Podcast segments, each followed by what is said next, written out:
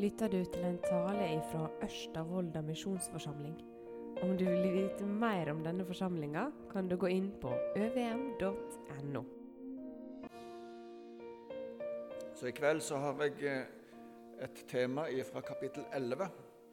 Eh, fra begynn, eller, vi skal lese hele kapittel 11, så det blir en del mer lesing eh, i kveld. I går var det bare ett vers, men i kveld så skal vi lese eh, litt mer. Ja, det, det er, eh, ja, vi leser hele det kapittelet, men, men, før vi begynner å lese, så skal vi be litt i sammen igjen. Takk, Jesus, for at vi skal få lov å tro på deg, få lov å samles om ditt navn, få lov å samles om ordet ditt. Du kjenner hver enkelt av oss som er kommet. Du vet hva vi trenger, du vet hva jeg trenger for å stå her framme. Og vi ber Jesus om at du må komme nær, at du må tale til oss. Du ser den overskriften som jeg har sett opp her, og det er 'Hvordan kan jeg oppgi deg'? Det er en tanke som du har for hver en av oss. Og vi takker deg fordi du har sånn en omsorg for oss. Du vil gjerne ha oss alle hjem til deg til slutt. Vi ber om at du må signe stunder for oss for ditt navns skyld. Amen. Ja, det er kanskje et uh, vanskelig spørsmål, dette her, men vi skal lese teksten først. da. Og jeg har sett uh, uh, ei ja, du kan si ei til overskrifter, men eh, det, eh, over hele kapittelet så har jeg òg skrevet dette 'Guds inderlige kjærlighet. Det gjelder egentlig, syns jeg, hele Hosea-boka. At eh, vi får et innblikk i Guds ufattelige kjærlighet. Men vi skal lese nå. Vi leser hele det, første, det ellevte kapittelet. Da Israel var ung, fikk jeg han kjær. Fra Egypt kalla jeg sønnen min. Men jo mer jeg ropa på deg, dess mer gikk de bort fra meg. De ofra til Baal-gudene, tente offereld for gudebildet. Det var jeg som, lekte, som lærte Efraim å gå, og tok dem på armen men de skjøna ikke at jeg gjorde dem friske. Jeg drog dem med menneskeband, med kjærleikstau. Jeg var lik en, en som løfter opp et spedbarn til kinnet, og bøyde meg ned og gav dem mat. De skal ikke vende attende til Egypt, men Assur skal være kongen deres, for de nekter å vende om. Sverdet skal rase i byene deres, bryte sund bommene og ete om seg for deres planers skyld. Folket mitt henger fast ved sitt frafall for meg. De roper sammen til Han som er i det høye, men han reiser dem ikke opp. Hvordan kan jeg oppgi deg, Efraim, overgi deg, Israel? Hvordan kan jeg oppgi deg som Adma, gjøre med deg som Sebojim? Hjertet vender seg i meg, all min medkjensle vakner. Jeg vil ikke følge min, min brennende vreide, ikke øyelegge Efraim en gang til, for jeg er Gud og ikke et menneske, heilag midt imellom dykk. Jeg vil komme med redsle. Herren skal de følge, som ei løve skal han brøle. Når han brøler, skal barna hans komme skjelvende fra vest. Skjelvende skal de komme som en fugl fra Egypt, som ei due fra Assur. Jeg vil la de bo i husa sine, sier Herren. Det var hele kapitlet på én gang, men vi skal se litt, eh, litt sånn eh, vers for vers, eller litt etappevis utover eh, etter hvert. Men jeg syns det var greit å få hele kapitlet til å begynne med for å få den oversikten. Og så sa jeg til Per Ove i går at for meg så har det blitt en, en, tanke her om å sammenligne litt med den bortkomne sønnen. Eh, I Lukas 15 Du kjenner sikkert fortellingen om den bortkomne sønnen. Og, og, der i Lukas 15 der er det som at det, eh, det blir skildret eller Det er jo Jesus som forteller den, den historien eller lignelsen. Um, det var en som eh, Det var en, en, far som hadde to sønner. Den ene, den yngste av disse to sønnene eh, sa til faren du må gi meg den delen av arven som skal falle på meg. Og Så gjorde faren det, og så gikk den yngste eh, sønnen bort og solgte alt eh, det han hadde fått, og drog av gårde. Og så levde han et liv som skal vi si, ikke var etter slik som faren ville ha det. Han levde og brukte opp alle pengene på tull og tøys, kan vi bare si enkelt. Så hadde han brukt opp alt, og så visste han ikke hva han skulle gjøre. Så ble det vanskelig for han. Men så kom han seg eh, Forsto han det at eh, her er det noe som mangler. Jeg må gå hjem igjen. Så skal vi ikke si noe mer om det. Lukas beskriver ut ifra denne sønnen. Men Hosea han skildrer i det kapitlet som vi har sett nå, hvordan faren hadde det. Det var en forferdelig lengting etter at sønnen skulle komme tilbake igjen. Hva skal jeg gjøre nå for å få han tilbake igjen? Det var det som var vanskelig. Så kan vi si, som, jeg har sagt eh, et par ganger før, at eh, det er ofte mange lag i, i profetene. Så er det en, kanskje et lag som blir oppfylt på en måte, og så er det likevel eh, så ligger det verset der, og så sier det flere ting. Dette første verset i kapitlet da Israel var ung, fikk jeg han kjær. Fra Egypt kaller jeg sønnen min. Er det noen som kjenner igjen det verset? Matteus eh, skriver i kapittel 2 der om når eh, Jesus og Maria og Josef måtte flykte til Egypt. og så Etter en stund så kom de tilbake igjen. og Da sier Matteus det at det var for at dette skriftordet om at eh, 'fra Egypt kaller jeg sønnen min', skulle gå i oppfyllelse. Det skriver Matteus. Men samtidig så kan vi si at, at det har flere, flere sider. og, og Så kan vi gå tilbake til denne lignelsen med, med den bortkomne sønnen. Uh, han hadde det jo veldig godt hjemme. Han hadde fått alt det han trengte. Og, og det var liksom der uh, han hadde oppdratt han og gjort, gitt alt det han ville til han der. Og så kan vi bruke dette ordet for å tenke på Israel som nasjon. De ble jo kalt fra Egypt, fra slaveriet, frelst fra slaveriet, fra Egypt. Moses eh, ble det redskapet for å fri eh, Israel ut og føre dem til det landet som Gud hadde lovt gjennom Abraham. For eh, det var jo Guds folk etter løftet til Abraham og Gud hadde sagt til Abraham at dette skulle være hans folk sitt land. Men de var jo fanga i Egypt. Så kalte Gud de løste de ut ifra Egypt.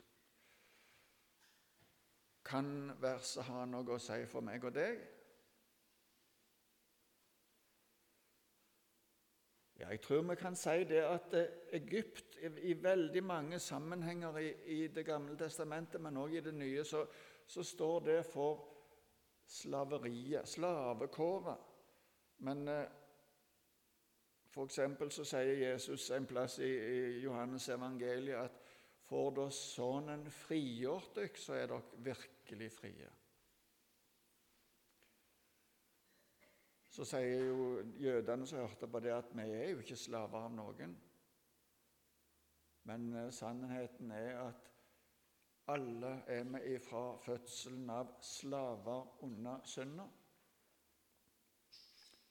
Derfor så er Egypt som et bilde på syndens makt over våre liv. Alle mennesker er der ifra fødselen av.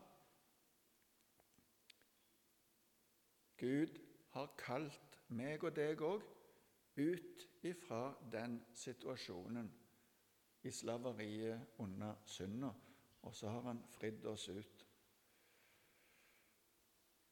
Vers 2.: Jo mer jeg ropa på deg, dess mer gikk de bort fra meg. Hmm. Er ikke det òg litt typisk mange ganger? Ehm, jeg har hatt unger som er blitt voksne nå. Jeg husker når de var små, så hendte det jo det at 'nå er det mat'. Så ropte jeg på de inn, men nei, de brydde seg ikke om det, for det, de lekte så kjekt. Kanskje sprang de enda litt lenger vekk fordi at det, det, Ja. Vi kjenner igjen bildet. Gud kalte på Israel mange, mange ganger gjennom profetene fordi at de, de holdt på med andre ting. De holdt på med å dyrke Baal-gudene, som det står her. Sendte profeter til dem. Mange runder med profeter, men de for bare lenger og lenger vekk ifra Gud.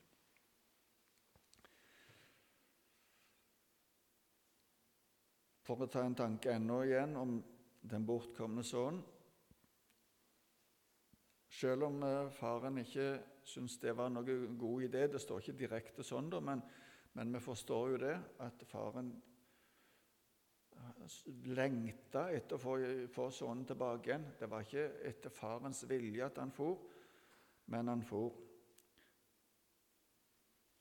Og vi ser for oss faren som står der Det står jo tydelig òg der i Lukas at han, han, han så utover markene når, når han, så sønnen kom igjen.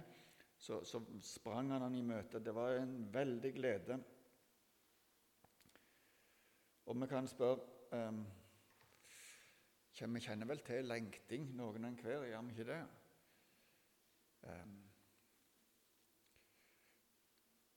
Jeg, det har blitt sagt her før, jeg vet ikke om alle har hørt det, men, men eh, jeg har vokst opp i Etiopia. Eh, da, I den tida så, så, var det sånn at eh, vi som gikk på skolen, vi bodde på et internat som var ja, I mitt tilfelle så var det ei dagsreise fra foreldrene mine. De kunne jo ikke komme hver dag. Jeg kunne ikke komme hjem hver dag, for det var en hel dag å komme hjem. Så det som skjedde, det var jo da at eh, vi var der på dette internatet i noen måneder, faktisk. Fra sommeren til jul. Så var vi til påske, og så var vi fra påske til sommeren. Så var, vi var hjemme tre ganger i året. Det var ikke fritt for at vi av og til lengta hjem. Så fikk vi kanskje et brev der de skrev litt om hvordan de hadde det, foreldrene våre, og kanskje yngre søsken. Og så skrev de hva de holdt på med, og sånn.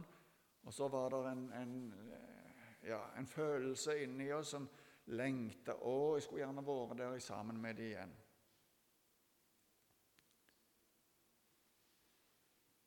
Og så kan det være andre måter og ting og situasjoner der en kan lengte.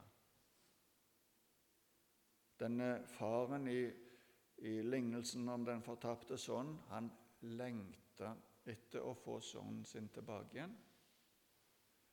Og Her hos Hosea så får vi et bilde av at faren, vår himmelske far, lengter og roper og ønsker å få alle sine barn tilbake. Og vi, også, vi hører jo stadig ordet om hva Gud vil, så kan vi spørre lever vi etter det. Gjør vi sånn som Gud sier, eller lever vi etter sånn som vi sjøl har lyst til. Jeg skal ikke ha noe svar, det kan du tenke på sjøl. De ofra til Baal-gudene, det var gjerne det som nabofolket holdt på med. Slik som de levde, ville òg israelsfolket leve. Kanskje vi òg er litt prega av det som naboene våre Det er kanskje ikke sånne gudestøtter eller den slags eh, gudstilbedelse som de holder på med, eller holdt på med i Israel, men det er helt andre ting. Jeg har jo skrevet opp her, så dere har jo allerede sett det. da. Det som kanskje er mer typisk i vår tid, det er materialismen. Selv om vi er kristne, så liker vi godt å ha en fin bil, et fint hus og klær og sånn at vi ja, kjøper oss gjerne noe nytt når vi får lyst på det, og, og kanskje ja, går ut på kafé eller tar oss, eh, finner, finner, oss noe godt å spise eller et eller annet sånt. Det, det er jo greit. Det er ikke det at jeg fordømmer det. Men vi kan jo spørre hvor er det viktigste for oss? Hva er hjertet vårt opptatt av? fremdeles i dag, og kanskje i den grad vi kan si hele menneskeheten, så er det sånn at Gud kaller på folk gang etter gang, hele tida.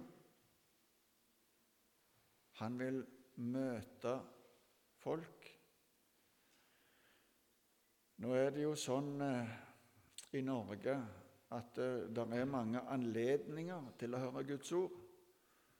I andre land, noen andre land, så er det nesten ingen forkynnelse. De kan ikke høre om Jesus eller Guds ord på radioen, iallfall ikke på det som er vanlig å høre på. Det er klart at Hvis de henter på Internett, så kan de i de fleste land finne noe. Men eh, det er noen land der det er både vanskelig og farlig å høre Guds ord. Hos oss er det rikelig tilgang på det. Men eh, tar folk imot det? Ofte så ser vi det at eh, de bryr seg veldig lite om det. Og hva skal vi gjøre med det? Det snakket vi om litt i går, med dette med å nå til de som ikke er nådd fra før. For eh, mange i vår tid òg, så er det viktigere med anerkjenning fra samfunnet og fra venner enn det som er fra Gud. Og det sier òg Jesus om, om eh, fariseerne, eller om ja, mange på den tida. Det var mange som tok imot, tok, tok til å tro på han, til og med av rådsherrene, men pga. fariseerne så ville de ikke vedkjenne seg dette så de kunne bli utstøtt av synagogen, for de elska ære fra mennesker høyere enn ære fra Gud. Det står i Johannes 12, 42-43. Anerkjennelse i samfunnet, det er kanskje òg en fare i kristen sammenheng i vår tid, fordi at, skal vi si, strømningene i samfunnet setter visse krav som de òg vil at alle skal leve etter, men som kanskje ikke stemmer med Bibelen, hva gjør vi da? Hva gjør vi når dette blir enda mer nærgående kanskje enn det er nå? For jeg er redd for det at det vil nok stramme seg til. Hva vil vi gjøre da?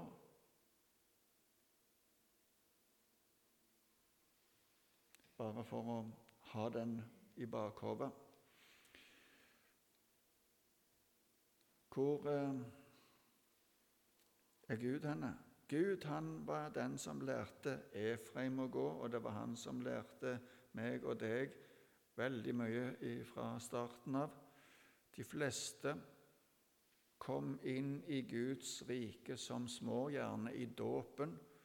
kanskje med kristne foreldre, eller gikk på søndagsskole eller på andre måter, så lærte de om alt det som Gud hadde gjort. Så er det selvfølgelig noen som ikke kom inn i Guds rike på den veien, men de er likevel skapt i Guds bilde, og Gud elsker også de som ennå ikke har vært innom der. Men veldig mange som kom inn Foreldrene lovte å gi dem kristen oppdragelse, men så ble det ikke noe mer med dem. Gud lærte Efraim å gå, står det her. Han har lært oss fra barnsbein av ganske mye om sin godhet og sin kjærlighet. Og vi Ja, det er klart at um, veldig mange eh, tenker jo at uh, dette, mange av de tingene som vi har på bordet, og de godene som vi har, de er kommet av arbeid og av, og av naturen og, og sånn. Men de tenker ikke så mye at det er jo Gud som står bak. Naturen er skapt av Gud. Det er Gud som får kornet til å vokse på åkeren. Det er Gud som gjør at uh, kua kan gi melk osv. Så sånn. Alt dette her er en ordning som Gud har ordna til. Alle gode gaver kommer egentlig fra Gud, men veldig mye i vår tid ser ikke at det er Gud som står bak alt dette. Takker vi Gud for at vi har det så godt i Norge.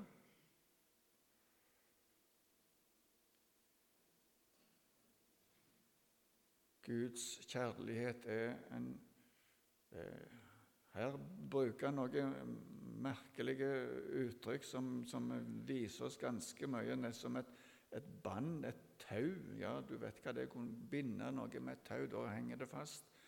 Og så er det dette her Ja, et, et barn som, et spedbarn som blir løfta opp til kinnet. Du ser for deg bildet. Det er et tegn på, på en glede, en omsorg. Uh, om jeg har barnebarn eller, eller barn uh, sånn, som du tar det inn, opp, løfter opp, det, det, viser at du setter pris på dette barnet, ikke sant? Slik er Gud òg mot oss. Så stor er Hans kjærlighet. Setter pris på oss. Kom unna. Hva gjør vi igjen for det?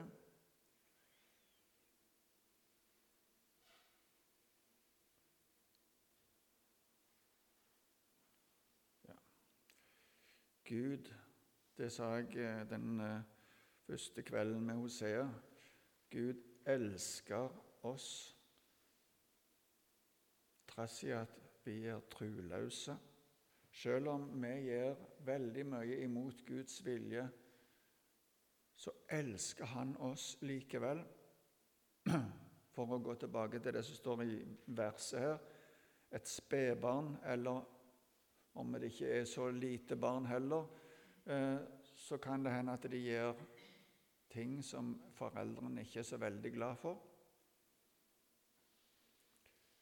Um, ja, for å bare ta et lite sånn personlig eksempel. Um, en gutt som jeg, eller jeg har en gutt, og når han var fire-fem år, så var han veldig til å klatre alle plasser. Vi var i, i Peru da, og hadde, det var et eh, etternitt-tak over, over, garasjen, eller over der var en sånn carporter med et litt tynn etternittplate som gikk over der. Og han ville opp og klatre opp og, ja, rundt omkring. Og så sa jeg du må ikke klatre, du må ikke gå opp, opp på garasjetaket. Det var helt forbudt. Så Ehm, gikk det jo ei lita stund, noen, kanskje noen, ei uke eller tre, eller noe sånt. Og så var det en gang vi satt inne og ja, kanskje vi satt og drakk kaffe, eller noe sånt, så hørte vi Vi hadde gjester òg, husker jeg. Så hørte vi et brak ute. Så for vi ut og skulle se, og der sto han Daniel helt stiv inntil veggen og ikke sa noen ting og ikke grein ingenting, men det var et hull i garasjetaket. Så vi forsto hva som hadde skjedd, men han eh, ville ikke si noen ting og ville ikke grine, for han hadde jo ikke lov til å gå der. Tror du at vi elsker han mindre fordi han hadde gjort det som han ikke hadde lov til? Vi måtte jo omfavne han og, ta imot han sjøl om han hadde gjort det som var ulovlig. Slik er Gud òg. Han tar oss inn til seg sjøl om vi gjør det som vi ikke skulle.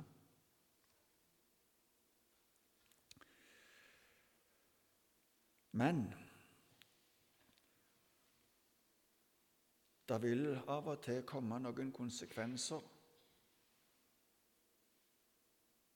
Det skjer mange, Vi har mange eksempler på det rundt omkring i samfunnet og, og, og, og i mange, eh, mange persontragedier at de vender seg vekk. Her står det at de eh, skal ikke tilbake til Egypt, den var de blitt fridd ifra, men så vender de seg i, om de har blitt fridd ifra én ting, så vender de seg fort til en annen ting, så det var Israel de skulle ikke tilbake til Egypt, men nå når de hadde, hadde vært så ulydige, så ville de havne til slutt i Assur, Assyria. For de nekta å vende om, står det. De nekta å vende om. Den som ikke vil tro, sier Jesus, er allerede dømt. Bare i og med at han ikke tror, så er det en, en konsekvens som kommer av seg sjøl. Sånn at over hele verden og samfunnet så må dommen komme. Det er en konsekvens Sverdet skal rase i byene deres, bryte sund bommene og ete om seg for deres planers skyld. Hvordan vil det, det, det gjaldt Israel. Det var det som ble sagt til Israel av profeten Hosea. Men hva vil skje her? Vi vet ikke noe, vi kan ikke si noe konkret eller noe tidspunkt eller hvordan det vil skje. Men eh, vi må nok tro ut ifra det som Bibelen sier, at det vil komme en konsekvens på en eller annen måte over folk som ikke vil tro. Det vil det. Folket mitt henger fast ved sitt forfall fra meg, roper sammen til Han som er i det høye, men han reiser dem ikke opp. Det er jo et litt merkelig vers her. Eh, ja, jeg skulle ikke tatt den linja ennå, men, men, bare for å si det sånn at når de da har vendt seg bort ifra Gud Da er det ikke så mye hjelp i å rope til Gud som de ikke tror på. Som eh, det står andre plasser på litt andre måter i profetene om at eh, deres offer vil ikke hjelpe fordi de har så mye synd imellom seg og synd på hendene, så ville ikke Gud ta imot offeret fra dem. Kanskje, for å si det litt sånn generelt De som ikke vil bøye seg for Guds ord, kan heller ikke forvente at Gud vil høre på dem når de ber, fordi de vil jo likevel ikke tro på Guds ord. Iallfall så er det en fare for det. Men Gud er annerledes enn oss, så vi kan ikke sette noe krav. Men vi ville jo ikke vært så veldig snare til å høre på folk som hadde gjort oss veldig mye imot, og så ber de, ber de oss om en tjeneste. Ja, da får de bare klare seg sjøl, tenker vi kanskje.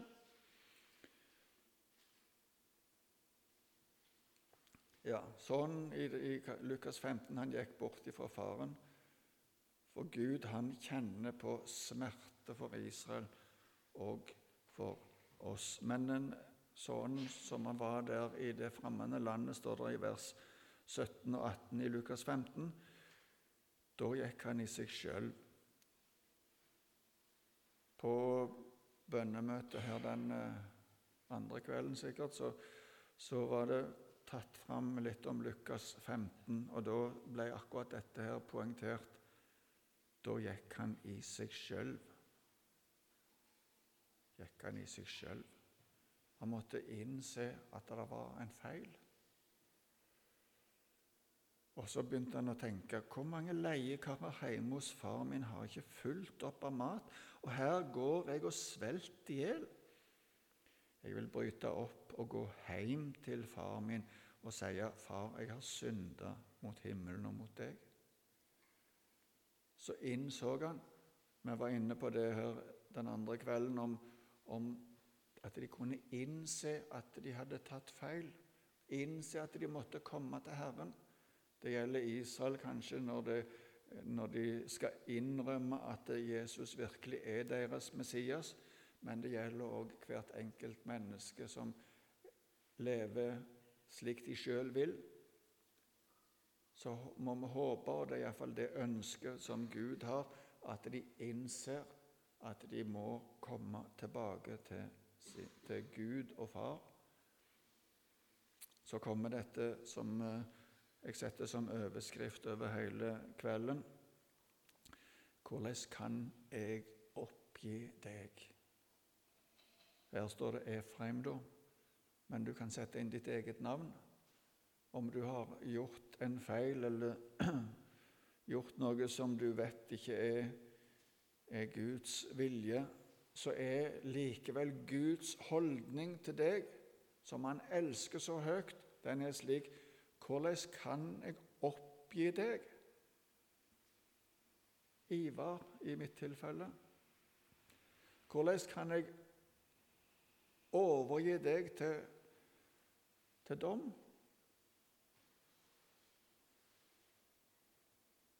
Hjertet, for å si det litt mer med eh, det slutten av verset her, så står det 'Hjertet vender seg i meg'.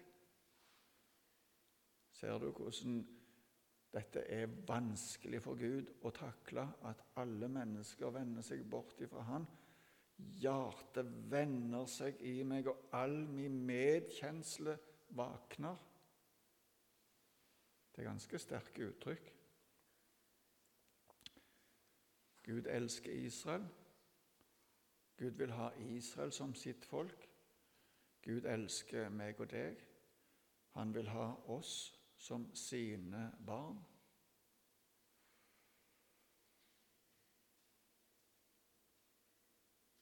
Gud elsker naboen din òg. Han elsker de som bor i Afrika, de som bor i Indonesia, de som bor i Sør-Amerika. Kanskje noen trenger å fortelle dem det, både naboen og indoneseren. Kanskje vi har en oppgave der. Og så er det dette med at eh, Gud, eller Jesus om du vil, har en inderlig medkjensle med folk, med meg, med deg, med naboen vår. Når Jesus samla masse folk, så så han at de var forkomne og hjelpeløse som sauer uten gjeter, og han fikk inderlig medkjensle med dem. Det står i Matteus 9, eh, og det står mange andre plasser òg. Og vi kan òg vise til, til, Ja, skal vi si det sånn, da? Um, I dag etter etter frokosten så ble det lest kapittel fire i, i profeten Jonah. Og der eh, ble òg Jonah minnet om det at um, Eller det var det, Jonas som sa det sånn da, 'Jeg veit at du er en nådig og mild Gud.' 'Du er sein til vrede og rik på miskunn, så du angrer ulukka.' Uh, i profeten Jonah der så, står, så tok jo Jonah der en merkelig slutning. Han, han syntes det var forgjeves å begynne å kalle på, på Ninive og rope ut domsordet ved Ninive, fordi at det, det følte han det var liksom bortkasta fordi at Gud er jo en nådig Gud. Um, så han var ikke så veldig begeistra for at Ninive omvendte seg. Han hadde ikke så veldig god følelse for Ninive. Han elska ikke de som var i Ninive så høyt som han skulle ha gjort. Men Gud elska de i Ninive. Gud elsker naboen din òg, og de i Indonesia, og de i Afrika og de i Sør-Amerika. Gud er en nådig Gud.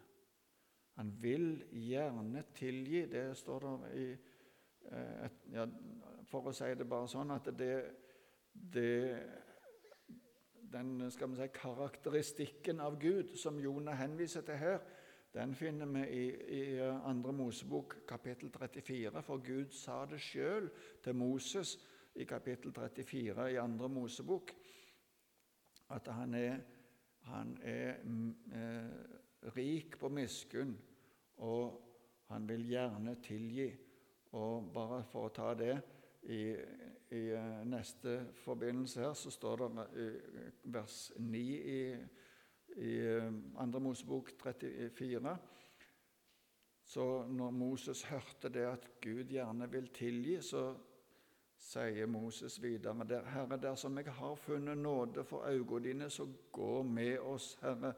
Visselig er dette et hårnakka folk, men du vil da tilgi oss misgjerningene og syndene våre og gjøre oss til din eiendom.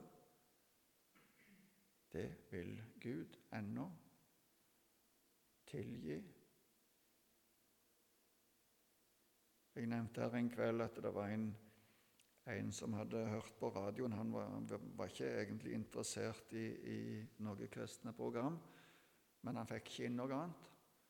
Så han, han hadde øreklokker, for han hadde et sånt yrke at han, at han gikk med det, enten det var en gravemaskin eller sånn, hva det var han holdt på med, det vet jeg ikke, men, men, men han gikk med øreklokker og fikk ikke inn den musikken og det greiene som han pleide å høre på.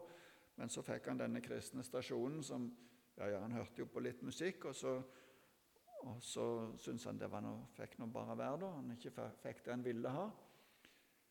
Men så sa han det til meg da en gang, at etter den musikken så kom det noen ord om tilgivelse. Og da var det noe som stakk han, for det var noe som han måtte få, få høre mer om. Så kom han på bedehuset. Han hadde aldri vært der, eller han hadde ikke vært der som voksen. Han hadde vært med på et barnelag og vært litt med en stund der, så han visste at de snakket om tilgivelse på bedehuset. Så kom han på bedehuset, og etter det så begynte han å gå der. Men han var jo over 40 år når han forsto dette her. Han måtte komme der. Gud er en Gud som tilgir. Vi må fortelle det videre at Gud er en Gud som tilgir. Som det står òg eh, her, at eh, Gud er ikke som oss mennesker. Det står i dette verset. Jeg er ikke jeg er Gud og ikke et menneske. Gud har Vi mennesker vi syns det er vanskelig å tilgi de som har gjort imot oss. Iallfall hvis det har gått litt hardt for seg, at det har blitt kanskje over flere episoder, og så Nei, nå får det være nok. Men Gud er ikke som oss. Han vil gjerne tilgi.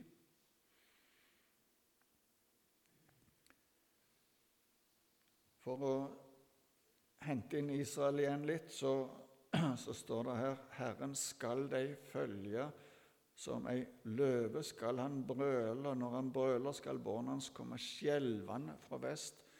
De vil kjenne dette, denne faren, kan du si, fra løva. Når, når den brøler, så er det liksom Du må søke ly. Og så skal de komme til Herren. Skjelvende skal de komme som en fugl fra Egypt. Kanskje de kommer med fly, jeg vet ikke. som ei due fra Asur. Jeg vil la dem bo i husene sine, sier Herren. Det tror jeg skal tale litt om at Israel skal komme tilbake til landet sitt. og Det er det som vi for så vidt har allerede begynt å se. Israel er en, en ny stat igjen. Det får vi la ligge nå. Jeg skal ikke filosofere og studere mer på det akkurat nå. Men han vil at alle mennesker skal bli frelst og lære sanninger å kjenne. Og sanninga er òg en person. Det er nemlig Jesus som er sanninga og livet og veien. Han vil at alle mennesker skal bli frelst og lære sanninga å kjenne. Når eh, den fortapte, den bortkomne sønnen kom til seg sjøl og fikk komme hjem, så ble han tatt vel imot. På bønnemøtet i dag så ble det lest fra 1. Johannes brev, kapittel 3, og det syns jeg passet godt å minne om her òg. Jeg skal lese to vers. Jeg tror det ble bare lest ett vers, men, men vi leser to vers her nå.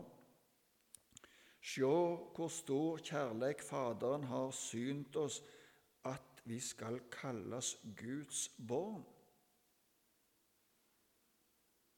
Vi kan komme til Han og være Guds barn.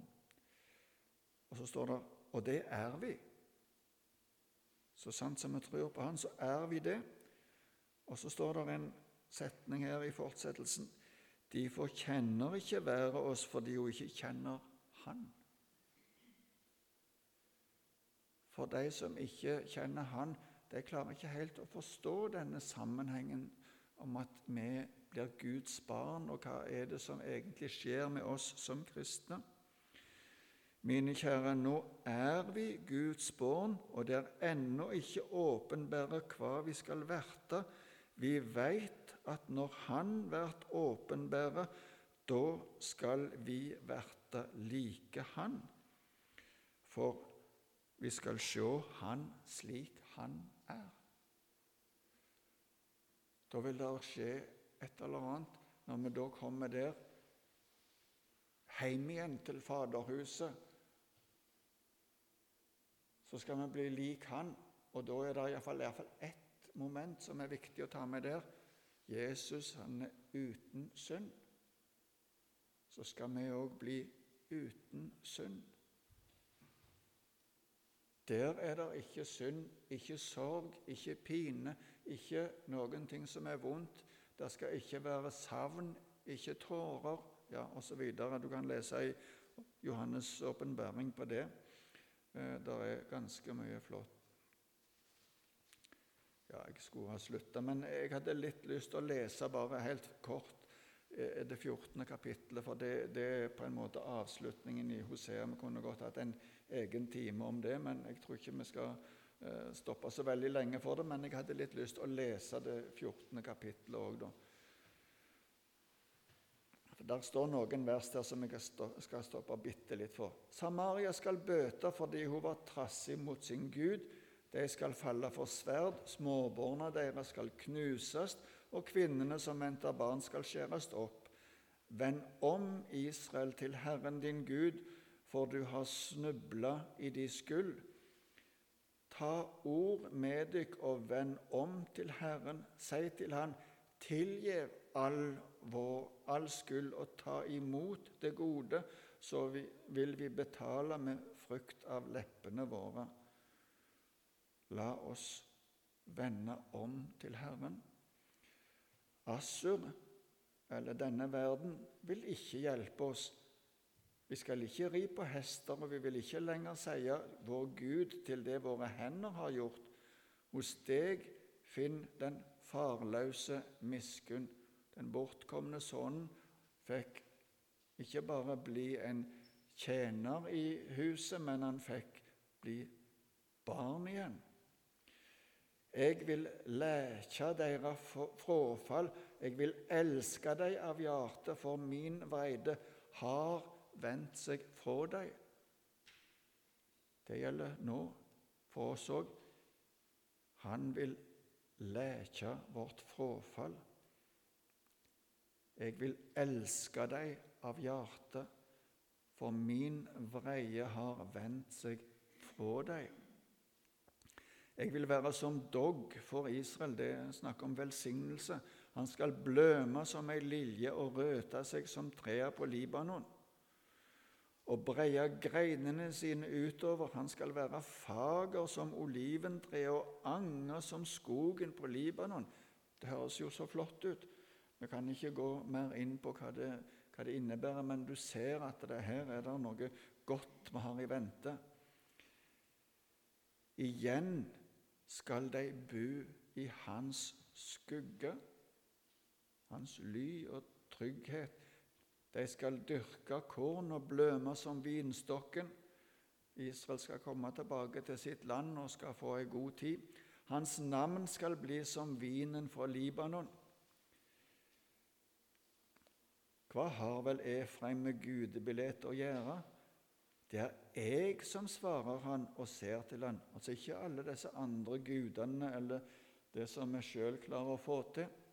Jeg er som en grønn sypress, for meg skal frukta de komme. Og så er det det siste verset. Hvem er så vis at han forstår dette, forstandig nok til å skjøne det?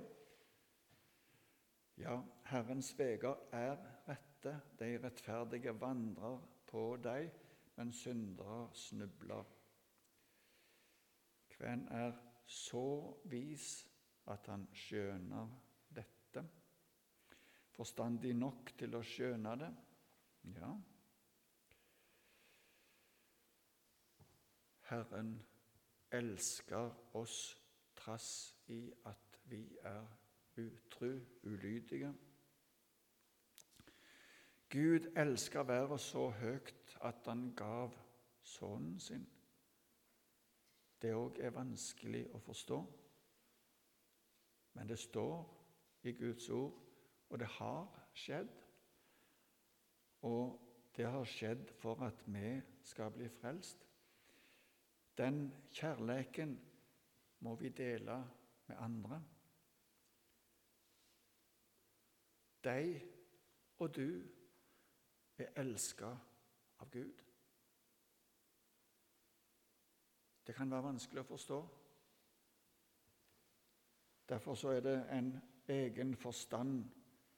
Som eh, Pascal sa, at hjertet har sin egen forstand som forstanden ikke forstår. Vi må drive misjon i nabolag og ut i hele verden.